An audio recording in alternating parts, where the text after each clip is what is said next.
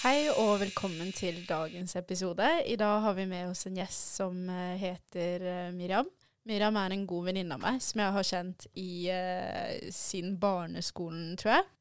Uh, I dag skal vi snakke om økonomi, men jeg tenker at det passer fint hvis Miriam kan fortelle litt om seg selv. Jeg er 23 år gammel, like gammel som Sifa. Jeg går mitt fjerde år på siviløkonomutdanningen på UiA. Og på fritiden så driver jeg den Instagram-kontoen Økonomistudenten, og så jobber jeg i Sparebanken Sør da, som kundebehandler. Eh, vi starta jo eh, med denne podkasten tidligere i år, og da Uh, spurte jeg flere av vennene mine, eller vi har jo vært veldig åpne om at vi gjerne tar imot tips. Og Miriam var uh, en av de som uh, tipsa oss om et tema, og det var økonomi. Og det som er litt ironisk, er at da vi satt og, vi satt og lagde en sånn oversikt over hvilke tema vi skulle ha, så var økonomi et av de temaene.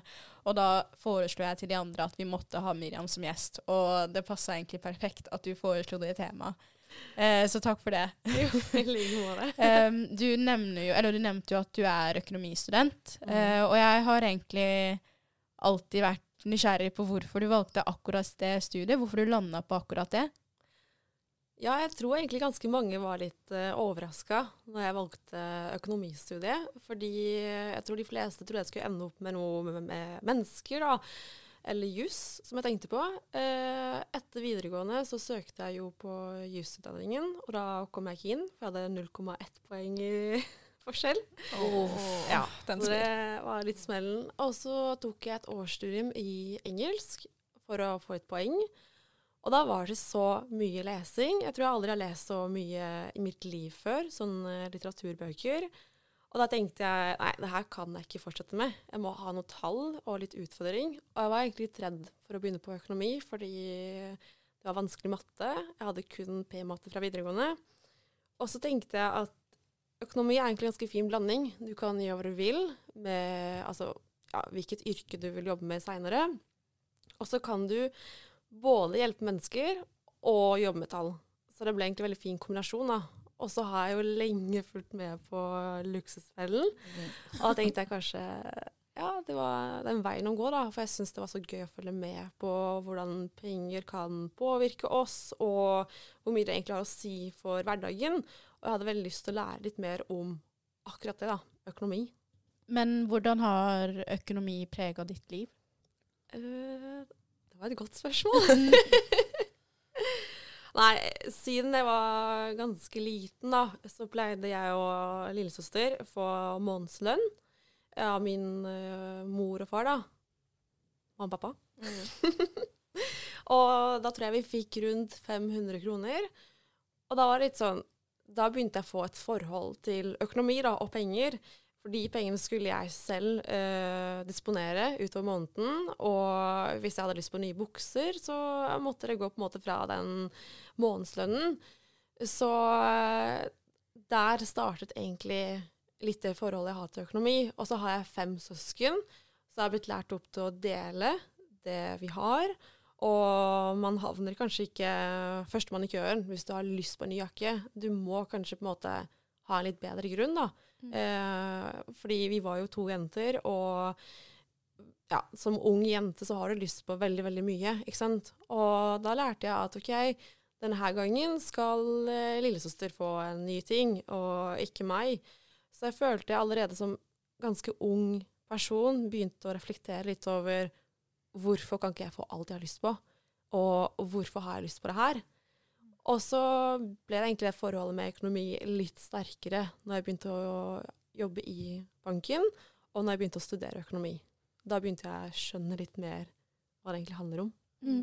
Eh, du nevnte det med månedslønn. Hadde dere månedslønn da dere vokste opp, Nema og Sanna? Nei, jeg, vi hadde ikke det. For jeg husker at uh, men nå er jo situasjonen vår kanskje litt spesiell med faren min som er uføretrygd, og moren min som var den eneste som jobba, mm. så da var det ikke sånn mm. mulighet da, til å dele ut penger til alle seks barna. Nei, nei, så da ble det litt sånn Man starta å lete etter jobb med en gang man, man var fullt det året man kunne starte å jobbe. Altså. Ja. Det, det, var mer sånn. Ja, vi, Da var vi egentlig ganske små. Jeg tror vi var rundt uh, ti år gamle. Altså jeg var ti, da, ja. uh, og Marlin var litt yngre.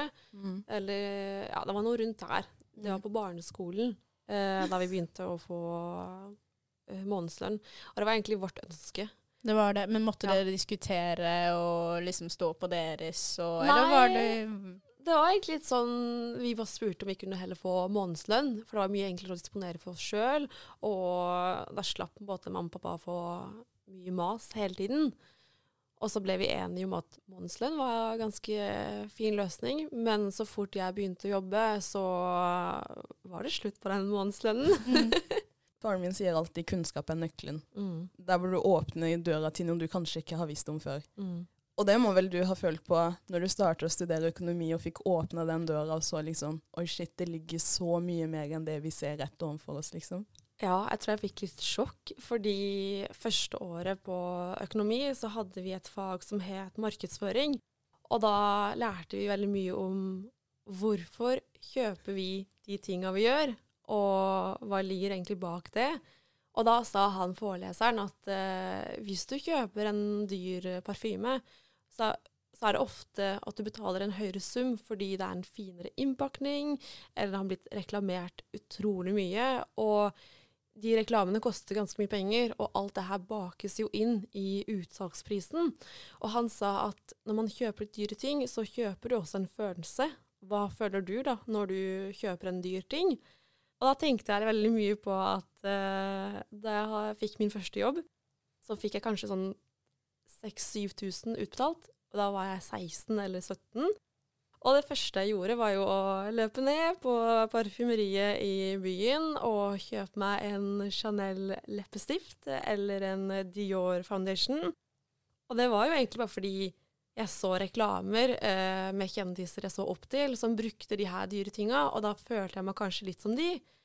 Og når vi gikk gjennom det i forelesningen, da ble jeg egentlig helt sånn Ja, litt satt ut, fordi hvorfor har jeg brukt så mye penger på ting som egentlig bare er dyre fordi de er kjent, og fordi jeg har fått en følelse da, når jeg har kjøpt de tinga. Så etter det så har jeg blitt mye mer reflektert over at ok, billige ting funker det òg, og er en følelse verdt så mye penger å betale for.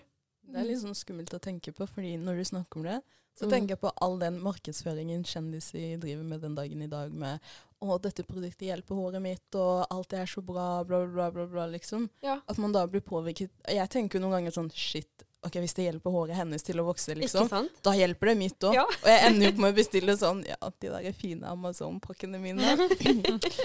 ja.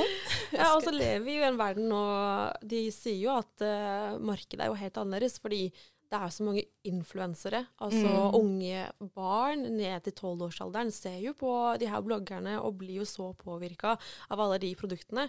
Og jeg husker veldig godt at det som irriterte meg som liten, var at uh, jeg tror jeg leste Sofie Elise sin blogg. Og så var hun sånn Dette her har jeg kjøpt inn denne helga. Og da var det mange ting. Og jeg tenkte sånn Hvordan skal jeg få råd til det med min 500-lapp? Mm. Ikke sant?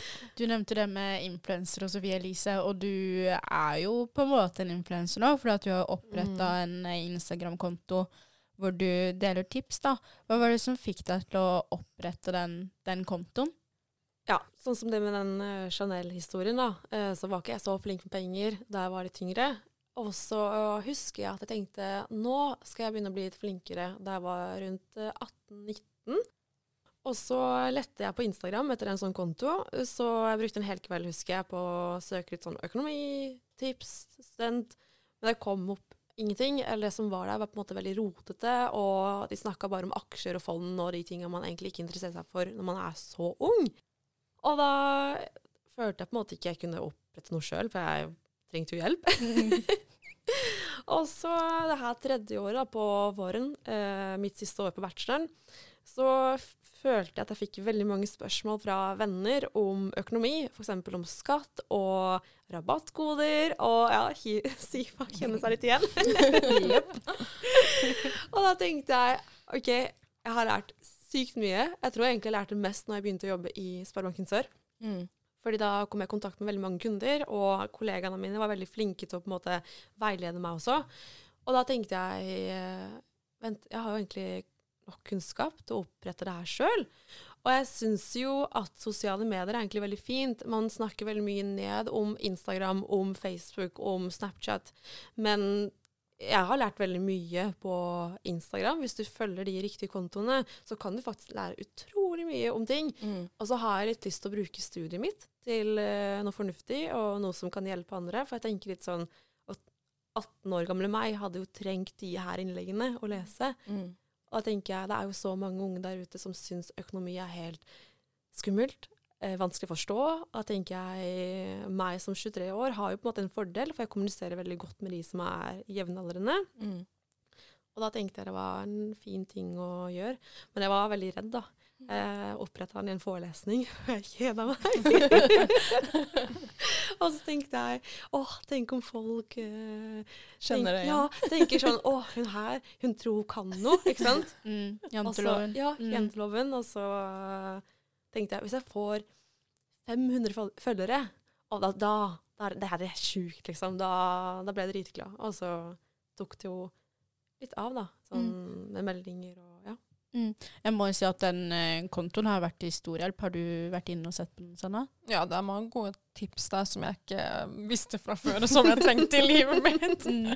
Man blir mer bevisst over økonomien sin når man, når man altså er innom sånne kontoer og har tips. Altså, som du sier, sosiale medier kan jo bli brukt på en veldig dårlig måte, men det kan bli brukt på en veldig bra en også. Hvis mm. en følger de riktige kontoene, så kan det spre kunnskap.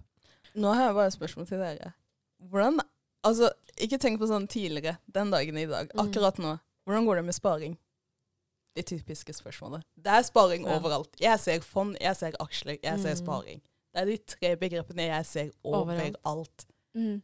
Jeg, jeg må bare ta ordet først. Jeg må si at eh, etter at du oppretta den kontoen, så har jeg blitt mer bevisst over min egen sparing. Og jeg tror det kommer av at jeg vet litt mer. Eh, som eksempel at man kunne opprette BSU2, er det det det heter? Mm. Eh, Sana kremter. Du kan gjerne. Nei, jeg lærte ikke at BSU eller liksom Jeg fant ut at det eksisterte for et halvt år siden, takket være kollegaen min som nevnte det. Ja. Jeg bare mm. å ja, ja. Mm. Og så la jeg inn BSU, ikke sant? Og det er jo noe de aller fleste norske ungdommer vet om. Mhm. Alle vet hva BSU er. Mm. Men du deler jo tips som jeg kanskje ikke, som foreldrene mine ikke lærte meg, som, som jeg kunne hatt godt av å vite. da. Mm. Og jeg tenker at når vi er såpass store som vi er nå, så setter vi oss mål. Noen vil kanskje ha leilighet om et par år, noen vil Mm. kanskje ha bil. ikke sant? Vi har jo forskjellige mål, og da er det så greit å ha en konto, en, en sikker konto da, som man kan sjekke innimellom, eller sende en melding til hvis man da har behov for den hjelpen. Ikke sant?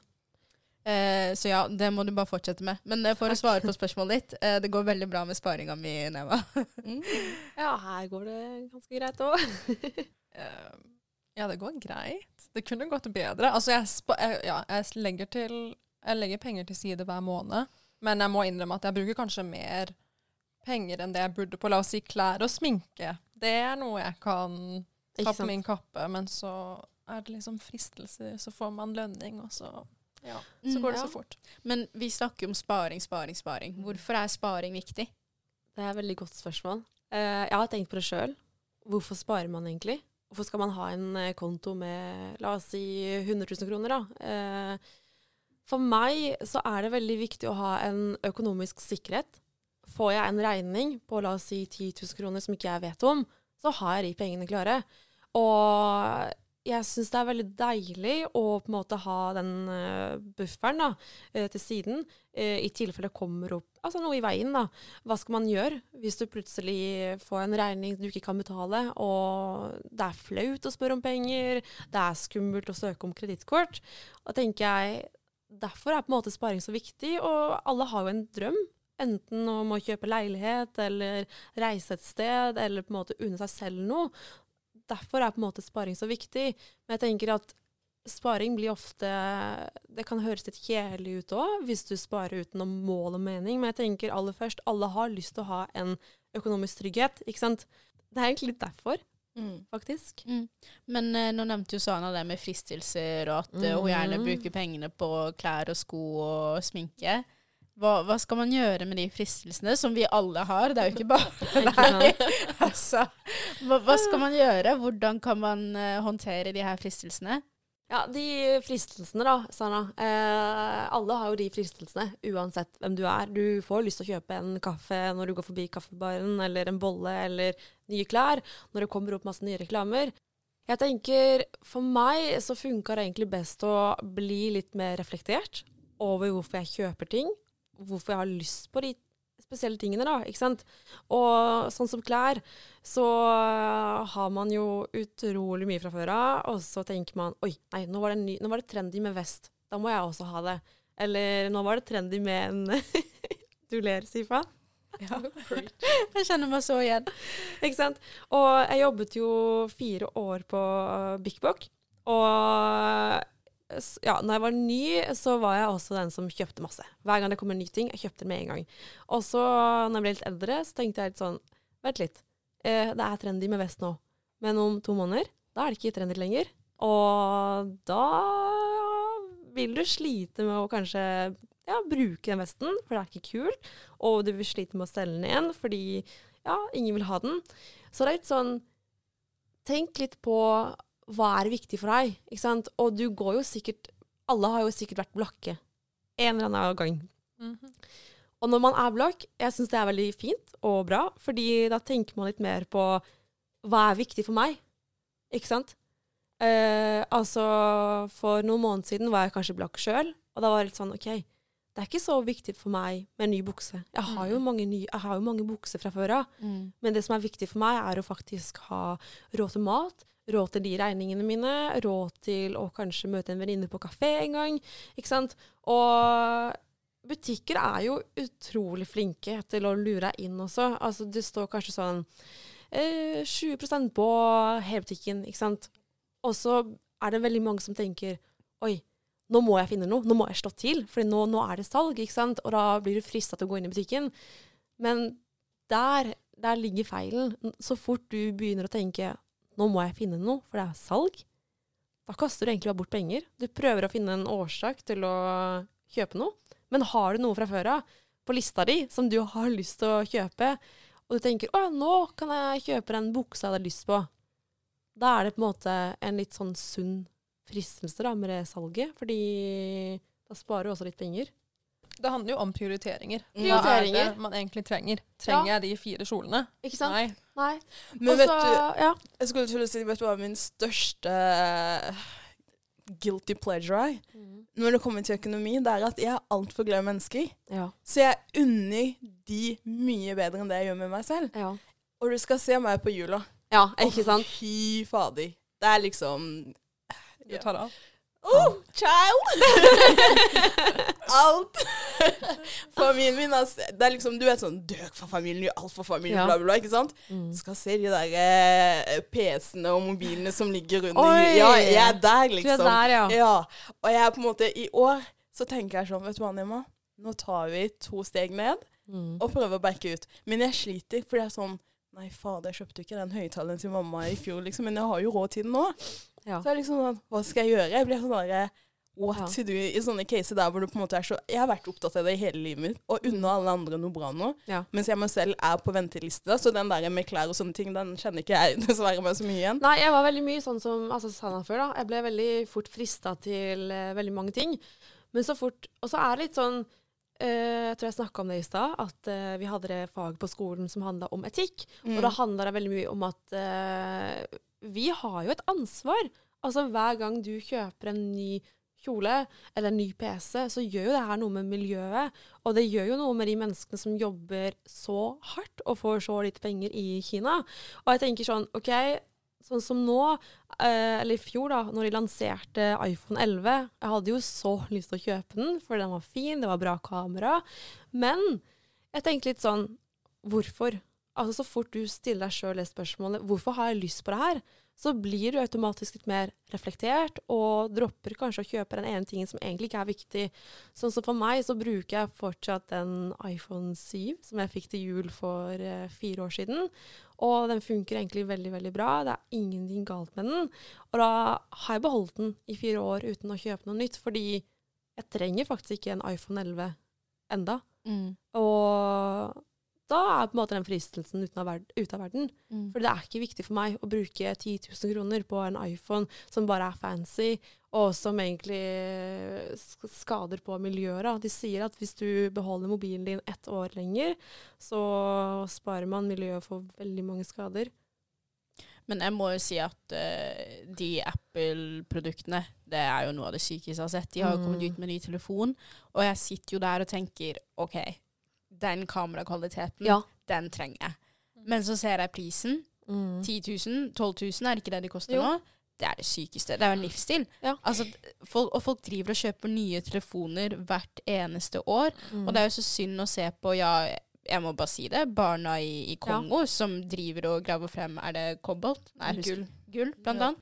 Eh, for at vi skal sitte og ha, ha de her fancy, Mm. fancy mobiltelefonene våre. Og Mm. som du sier, vi har jo ansvar selv. Jeg personlig tenker at det er ikke nødvendig å kjøpe ny mobil hvert år. Nei, altså skal man på en måte gå frem som et eh, bra forbilde, da, så trenger man ikke si det på en veldig sånn kjedelig måte. At du virker som en som bare er gjerrig og ikke har lyst til å bruke penger. Men hvis du bare sier sånn Jeg har jo blitt spurt sånn Hvorfor kjøper du ikke en ny mobil? Eh, Har du så gammel mobil? Ha-ha. Ikke sant? Og da har jeg bare sagt nei, men den funker, den. Altså, det er jo ikke noe galt med den. Jeg gidder ikke kjøpe noe ny når den funker så bra. Og bare le litt av det. Så blir det på en måte litt sånn Å ja, herregud, hun, eh, hun har jo tenkt over det på en måte før, da. Mm. Og det er ikke snakk om å være gjerrig, men det er snakk om å Det er kjøp- og kastsamfunnet som vi lever i. Ikke sant? Og det er litt det jeg snakker om nå, med de fristelsene. Altså, det kommer jo alltid nye trendplagg. Det kommer alltid noe nytt hele tiden. Mm. Og skal alle gå rundt og kjøpe så mye, så blir det også liggende eller kasta. Det er sånn Det er Men- ekkelt. Hva tror dere Eller det er jo ganske åpent svar på det, men hva tror dere gjør at folk ikke slutter med å kjøpe de nye telefonene hele tiden? Det er jo, trend, det er jo trendy mm. å ha en ny telefon. Det er jo Mhm. trendy å ha, ha en iPhone eh, med så Dere har jo sett de kamerakvalitetene Ja. de har. Ja. Det er, altså, tenk på alle de Ja, Mm. tenk på alle de Instagram-bildene man får tatt, ikke sant. Man må jo på en Mm. måte Det er jo trendy. Man må jo henge med. Men tror dere det går på status? At folk Ja. vil vise frem at det her har jeg råd til? Ja. Eller hvor mye henger det sammen med Jeg tror personlig det, fordi eh, sånn som på videregående, da. Hvis noen fikk seg en ny mobil i gjengen, da var det sånn Oi, har du fått en ny mobil? Ikke sant? Da tenker man Oi, liksom, de har råd til det. Ikke sant? Og det er jo veldig uvanlig, da, å på en måte ha kanskje en vennegjeng der hvor ingen har kjøpt seg en ny mobiltelefon. Jeg kan ikke Altså, jeg tror ikke jeg kjenner så veldig mange da, som har beholdt sin iPhone 6 og bruker den fortsatt. Mm.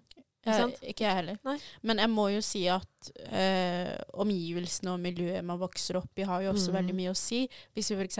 ser tilbake til oppveksten eh, min, f.eks. Jeg husker jo at jeg eh, Jeg hadde jo venner som ofte fikk alltid pekte på. Jeg husker Ja. jeg skulle ta følge med en venninne, og jeg var innom, da. Og så hadde moren kjøpt en ny lue til henne, men den kunne hun absolutt ikke ha på fordi den klødde. Og jeg hadde jo aldri det valget. Nei. Altså, jeg fikk det jeg fikk, eh, og det var det. Og jeg husker at familien min altså, jeg, det var, altså, Folk kom jo med kule klær på skolen, Mm. men jeg var jo aldri en av de som hadde det nyeste. Jeg hadde aldri Mm. den nyeste telefonen eller sånne ting. Og jeg er så takknemlig for at jeg hadde en sånn oppvekst. For Ja. at du ser jo folk som Eller nå skal ikke jeg sitte her og snakke dritt om eh, folk som fikk det som de ville, men jeg tenker jo at jeg har på en måte lært å sette litt mer pris på ting, Ja. hvis dere skjønner. Ja. Så for eksempel, eh, jeg har jo eh, venninner hvor som foreldrene deres de prioriterte nye klær, Mm. nye telefoner. Eh, men de gangene jeg besøkte dem, så hadde de ikke ordentlig middag på bordet, f.eks. Mm. Eh, men det var noe mine foreldre prioriterte. Jeg fikk Mhm. aldri nye klær og nye mobiltelefoner, men jeg fikk, vi fikk ferie hver sommer, f.eks. Mhm. Mm. Og vi hadde ordentlig middag på bordet hver eneste dag. Det var ikke sånn tørre brødskiver med litt leverpostei og ost og skinke. vi snakker om poteter og ris og kylling og, og hva det nå måtte være. Eh, så slik har jo da min oppvekst da eh, preget meg til å bli den jeg er i dag. Jeg verdsetter mm. ting litt mer, og jeg har ikke behovet for å kjøpe nye ting hele tida. Åssen har, det, har det vært hos dere? Det har vært ganske likt sånn som deg. Ja. Eh, jeg har jo hatt verdens fineste barndom. Eh, mange søsken. Alltid gøy å komme hjem, for det har alltid vært liv. Det har alltid vært masse mat. Det har alltid vært veldig god stemning. Så det har ikke vært så mye fokus på sånn som ja, ny mobil, da. Ikke sant. Da jeg, var, da jeg fikk min første mobil, så tror jeg jeg arva den etter uh, broren min. for han hadde fått seg en ny en. Og da var jeg jo så fornøyd, for jeg kunne jo sende meldinger til mine venner. Og så husker jeg det gikk vel en liten stund, så fikk både meg og lillesøster hver sin eh, nye mobil, som var sånn Samsung et eller annet. Og så husker jeg at uh, da begynte jo Instagram og Snapchat å bli ganske populært. Da gikk jeg i åttende klasse, og ja, åttende eller niende, da. Og da husker jeg at uh, jeg klarte ikke å laste ned Snapchat, og så fant jeg ut at min mobil ikke støtta Snapchat. Og da føler man seg så utenfor. Uh, så det handler veldig mye om det òg, at hvis man kanskje ikke har de nye tinga, så havner man utenfor. Og så husker jeg, når jeg fikk min første iPhone, så satte jeg så stor pris på den. Det var det gøyeste. Og da, jeg føler på en måte derfor har jeg blitt så flink da, til å verdsette de tingene jeg har, som funker, og som ikke trengs å fornyes. da. Mm. Og det føler jeg er veldig veldig viktig. Det her å på en måte, det er som du sier, at ikke du rett og slett har bytta ut telefonen din Mm. før den er på synge sine siste vers, liksom. Fordi Mm. det, det er jo ikke noe vits. Nei. Den funker jo like bra, like fett som den gangen du, du kjøpte den, liksom, eller Mhm. fikk den. Ikke sant? Og det er sånn rart å tenke på, fordi Eller eh, relatert til det du snakker om. Jeg føler at vi har jo kanskje hatt relativt likt eh, oppvekst med at eh, Ja. foreldrene våre har på en måte ikke gitt oss alltid det vi har pekt på, og sånne ting, liksom. Men de har på en måte lært oss at du må jobbe for det du ønsker å få. Mm. Og det er jo, som du sa, Siva, jeg er så utrolig takknemlig for det, for jeg ser jo at det er den lykken Mm. av å få en ting, ikke sant.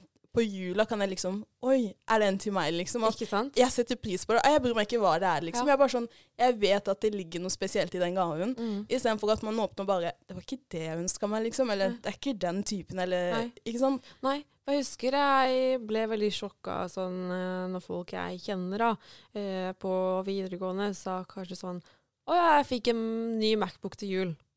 Og de virka ikke glad. Det var på en måte en selvfølge.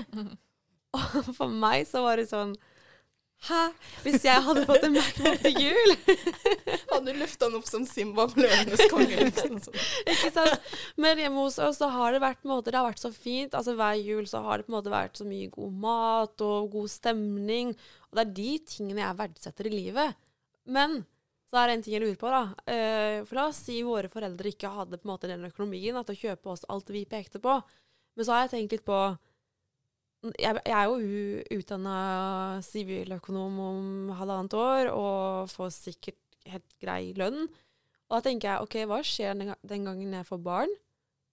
For da har jeg jo råd, mest sannsynlig, til å kjøpe de egentlig alt de peker på. Jeg må si at eh, jeg har dessverre eh, fått i meg de samme verdiene som foreldrene mine har. Mhm. Så jeg er sånn at eh, ungen min, eller hvis jeg får barn i fremtiden de skal ikke se lyset av en iPhone, liksom, med mindre de selv har jobba for den. Ja, Det blir sant? en, eh, Hvis de ønsker seg Ja. noe, så blir det en sånn Nokia eller en sånn liten GPS-tracket. Nå høres det helt sånn der eh, fælt ut. wow. Men det blir en sånn der eh, At de må jobbe for det, da. For jeg, på en måte, jeg setter så mye mer pris på alle de tinga Ja. jeg selv har jobba for, og jeg ser forskjellen på meg og mine andre søsken, liksom, som kanskje har fått det de pekte på. I etterkant så ser jeg liksom sånn at jeg jobber mye hardere og mye bedre Mm. enn det de eventuelt gjør. Så- Men eh, skal du eh, gi barnet ditt en OK i 2025? Nei, ikke gi dem en telefon, da, Ja. men hvis det er sånn der eh, Jeg trenger virkelig noe, ikke sant. Ja. Jeg, på en måte mer, jeg vil at de skal jobbe sånn som jeg måtte jobbe, rett og slett. Ja. Jeg vil ikke gi dem noe, skjønner du. Jeg, jeg, jeg forstår det, men jeg tenker at OK, jeg, må, jeg kjenner jo til deg, jeg vet jo hvordan du har hatt det i oppveksten, og jeg vet at du ikke har hatt det sånn dritvanskelig, og at du kom hjem og aldri hadde mat på bordet, men jeg tenker at hvis du har muligheten til å gi barnet ditt en iPhone, så kan du gjøre det. Det er jo du trenger jo ikke gjøre livet vanskeligere Men- for det barnet fordi du hadde en litt vanskelig oppvekst. Det Nei, det men hvilken, hvilken, hvilken alder vil du gi et barn en telefon? Ja, det Det er er nettopp det. For her starter jo folk Kommer en fjerdeåring, nei, en sånn fireklasseåring liksom, til deg og bare 'mamma vil ha en telefon', du gir dem? Skjønner du? Fjerdeklassingen den Mm, dagen i dag har telefoner iPhones. Ja. Mm. Ja. Er I de dag- åtte, eller er de 14? Ja, ikke sant? Og de. De har nyere iPhones enn det vi sitter på, Mm. Folkens. Ja. De har sånn fancy iPhones som Jeg ser de mister de på bakken, og jeg bare Ja. Ikke sant? Jeg bare sånn Er dette seriøst, liksom, tenker jeg.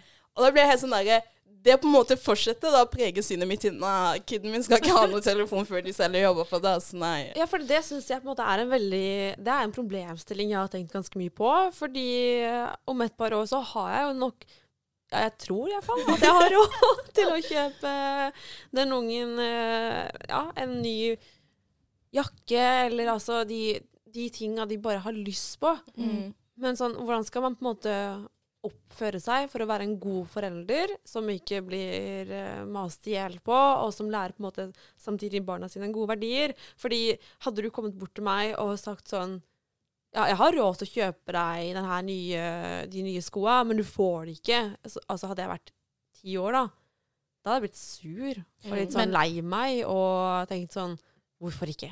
Men eh, nå vet jo jeg at dere to, Nema og Miriam, har yngre søsken, eller en Mm. lillesøster da, hver. Eh, hvis eh, søsteren deres kommer og sier at eh, du, jeg, jeg trenger en vinterjakke, eh, kan, kan du kjøpe en til meg? Hva sier dere da? Det er der jeg har vært ille. Fordi jeg har liksom sånn Jeg har alltid tenkt det jeg gikk gjennom, skal ikke lillesøsknene mine gå gjennom, liksom. Så jeg har alltid tenkt at la meg, så lenge jeg kan og har muligheten til å forsørge dem. Så dessverre har det blitt et par dyre julegaver.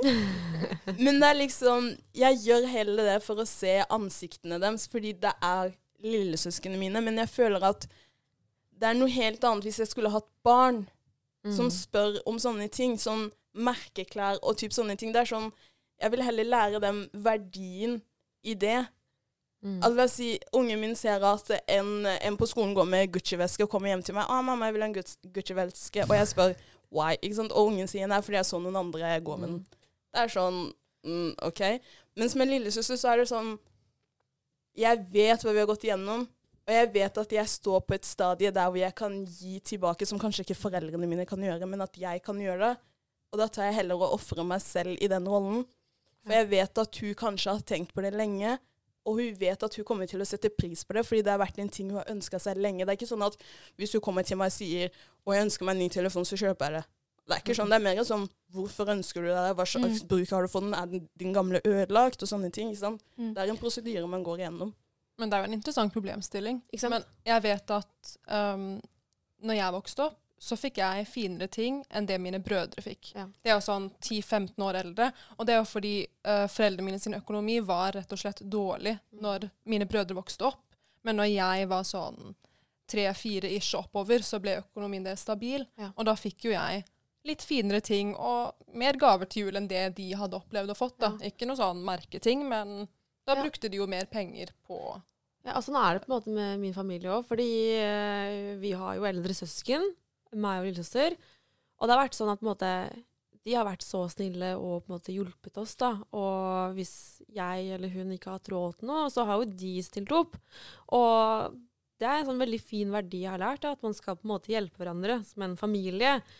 Så hadde lillesøster kommet og spurt med en ny jakke, og det er på en måte litt sånn fjernt for meg, fordi jeg føler ikke jeg er voksen.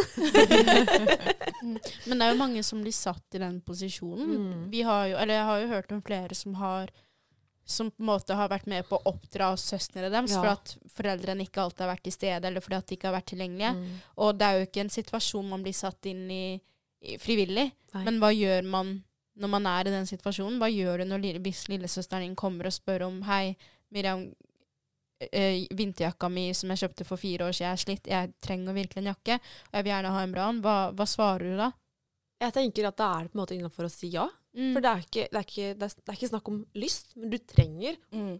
Det er jo noe jeg har uh, prata om på Instagrammen før, at eh, det er et stort, stort skille mellom å ha lyst på noe og trenge noe. Mm. Eh, og jeg føler på en måte jeg har prata litt mye med det, om det da, med mine venner, at eh, du, du trenger ikke en ny jakke når du har jakker som funker og er så fine, og er kanskje bare no- ett-to år maks gamle. Mm. Sånn som min vinterjakke, den kjøpte jeg faktisk på tredje klasse videregående.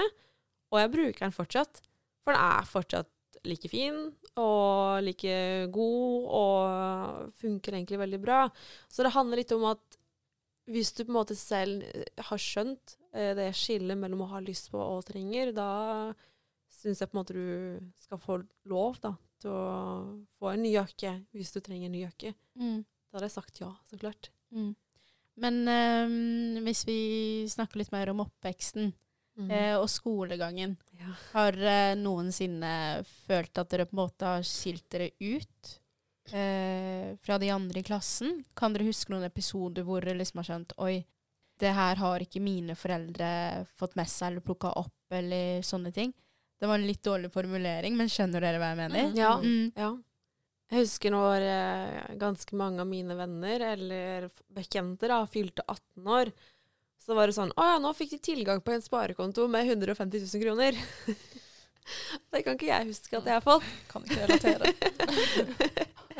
Så jeg følte det var jo et stort skille. ikke sant? Fordi foreldrene har spart i ganske mange år til de barna, og så får de tilgang på den kontoen når de er 18. Og det er faktisk ganske vanlig. Det har jeg på en måte jobba litt med òg.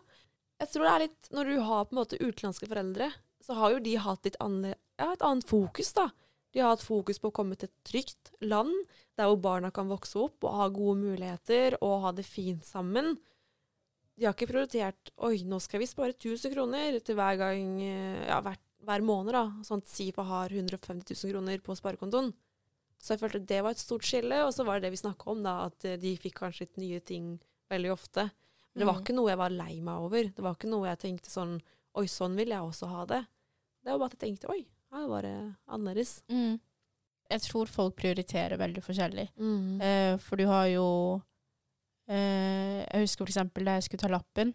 Jeg vet jo mange som har betalt for lappen sin selv, men mamma var jo fast bestemt på at det her, det her skal jeg dekke, sånn at, Ja. du, Mm. Sånn at du, hvis du eventuelt trenger en ny bil, sånn at du på en måte kan få Mm. kjøpt den selv. Eh, men så har vi jo de som får eh, nye biler til 18-årsdagen og eh, reiser til gud vet hvor og tar de Mm. bildene. Og, og man sitter der og tenker OK, det er din realitet, og, og så er min sånn som den er. Og sånn er det.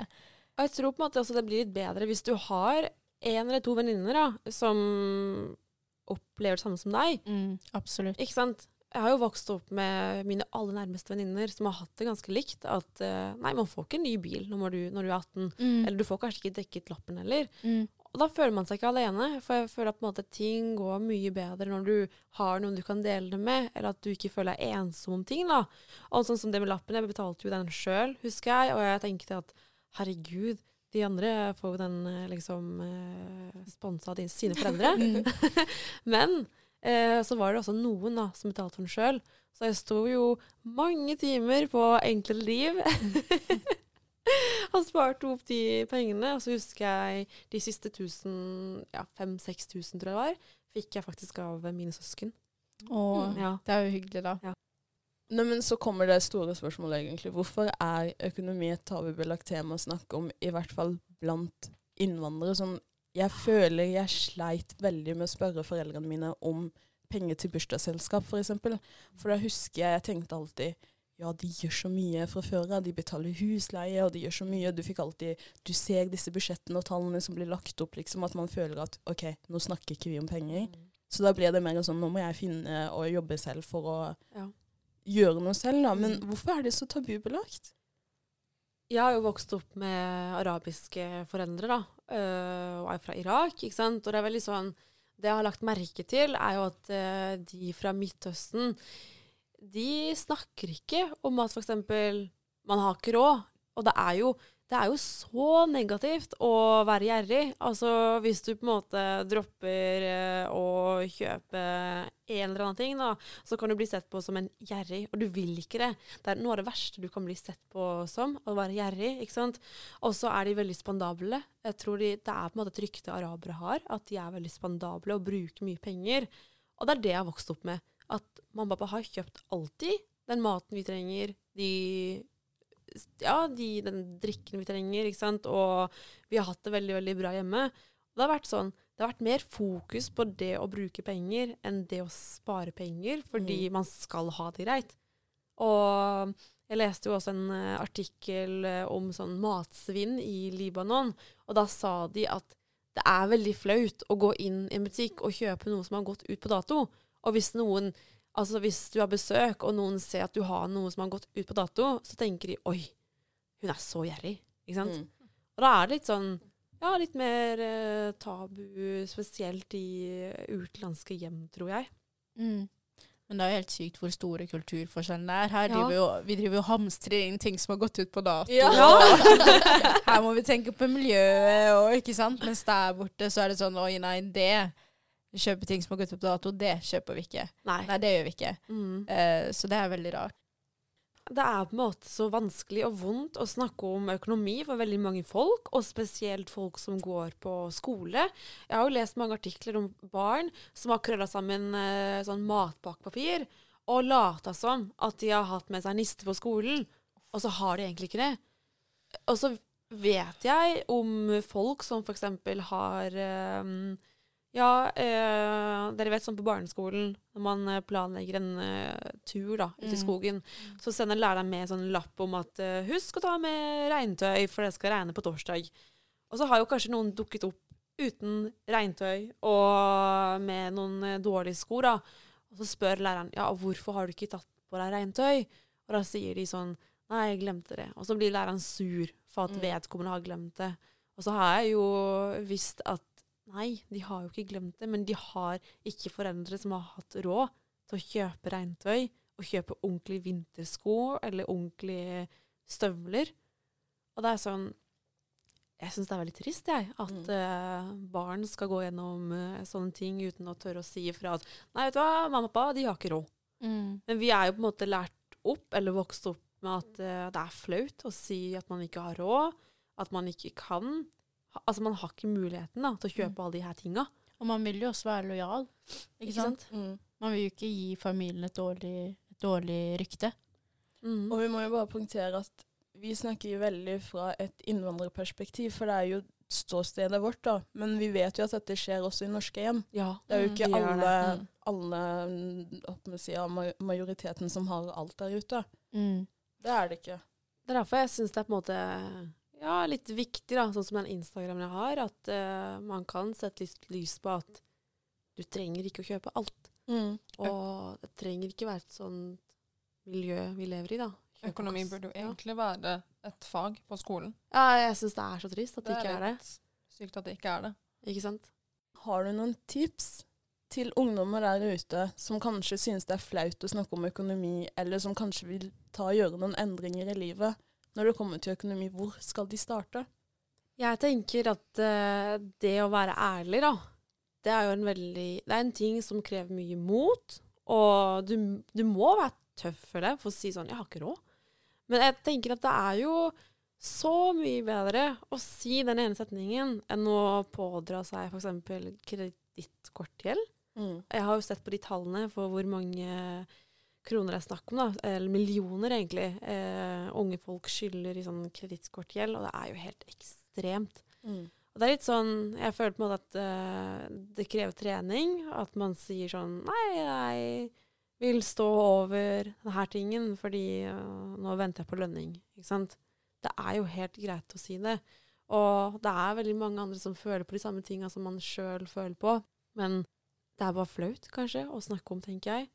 Og så litt sånn tips, da. Litt sånn generelle sparetips, økonomitips. det er jo det vi snakka om. Vær reflektert over pengebruken din. Og det å være gjerrig, det er ikke det samme som å være økonomisk flink. Altså, jeg koser meg masse og gjør gøye ting, men samtidig så er jeg flink til å tenke over hva jeg bruker penger på. Jeg tenker En annen ting som er veldig viktig, det er det å lære seg verdien av penger. Eh, hvorfor bruker du penger på eksakte ting, og hvem støtter du når du bruker penger? Sånn som det med klær, det syns jeg er et veldig enkelt eksempel, da. Men eh, da jeg begynte å jobbe i den eh, klesbutikken, så var jeg bare 18 eller 19 år gammel, og da husker jeg ganske mange eldre damer spurte meg sånn Hva er den genseren laget av? Eh, Er det 100% akryl? Og jeg sto der og tenkte Hva er akryl? Hva er polyester? Ikke sant? Hva er de tinga her? Og så har jeg jo lært meg nå at den lappen som henger på genseren på venstre side, den er jo 100 ganger viktigere enn den, den merkelappen som henger på genseren, egentlig. Fordi den indikerer hva den genseren er laget av, og holdbarheten. Og så er det litt sånn Det kan man ikke tenke på nesten hver gang man handler. da. For eksempel kjøper du en, et brød, da. Du sjekker jo om det er grovt, om det er det du er ute etter. Og sånn er det når du kjøper bil, når du kjøper klær, sminke, eh, alle de her tinga. Altså, ting er jo laget av noe. Og du skal støtte altså produksjonen da, av de tinga, og de skal jo få dine penger. Og jeg tenker veldig ofte sånn OK, eh, å kjøpe seg en kjole til eh, 1000 kroner, det tar meg så mange timer å jobbe for å egentlig ha råd den ene tingen. For jeg husker kollegaen min sa på Big Book at jeg tenker veldig ofte at eh, OK, jeg får kanskje Det er bare et eksempel, da. 200 kroner i timen. Mm. En genser som koster 600, da må jeg stå her på jobb i tre timer. Og da ble jeg litt sånn Oi, det er sant, det. De du jobber jo for de pengene. Mm. Og de burde ikke bare kastes på noe du ikke vet hva er, egentlig. Har du et tips til innvandrerforeldre som kanskje sliter med å snakke om økonomi til ungene deres, eller si fra vi har ikke kapasitet til det uten å tenke at barnevernet f.eks. ryker inn, eller noe sånt der, da. Mm. For det er jo kanskje det de fleste frykter. Jeg tenker jo, sånn som jeg sa, da, det å være ærlig, hvor viktig det er. Altså Selv om man er et barn, men hvis man hører at de, sine foreldre sier sånn Du, det her skulle vi ønske vi kunne kjøpe til deg. En ny Macbook. Men det har vi ikke råd til, for vi må betale leie, og vi må forsørge familien, og ditten og datten. Da tror jeg på en måte barn ikke slår seg vrange. Ikke sant? Da skjønner de at å ja, ok, de skulle faktisk ønske de kunne kjøpe det til meg. Men blir det satt sånn fokus på at nei, det her skal du ikke ha, det trenger du ikke, så kan jo barn gå rundt og tenke at oi, hvorfor kan ikke jeg få det når alle andre får det? Men når de Mm. får en grunn, Mm. og på en måte blir inkludert i på en måte den avgjørelsen, da, eller uh, årsaken, så tror jeg på en måte de begynner å skjønne litt mer ting. Mm. At man snakker ærlig med barna sine. Og jeg tenker også bare et sånt tips til alle som hører på, da. Hver gang du lyver om at du har råd til noe, så får du andre som faktisk ikke har råd til noe, til å føle seg dritt. Ikke sant? Det er veldig mange som bruker kredittkort til å kjøpe seg fine ting, til å fremstå som rike. Og så er du egentlig bare med på å få andre til å føle seg dårlig. Og så har du egentlig ikke sjøl råd til de tinga. Men eh, jeg syns det var en fin, eh, en fin måte å avslutte denne episoden på. Da gjenstår det egentlig bare å si takk, eh, Miriam, for at du kunne stille opp. Eh, for alt det fine, og ikke minst nyttige du har sagt. Takk for at jeg kunne være med. Yes.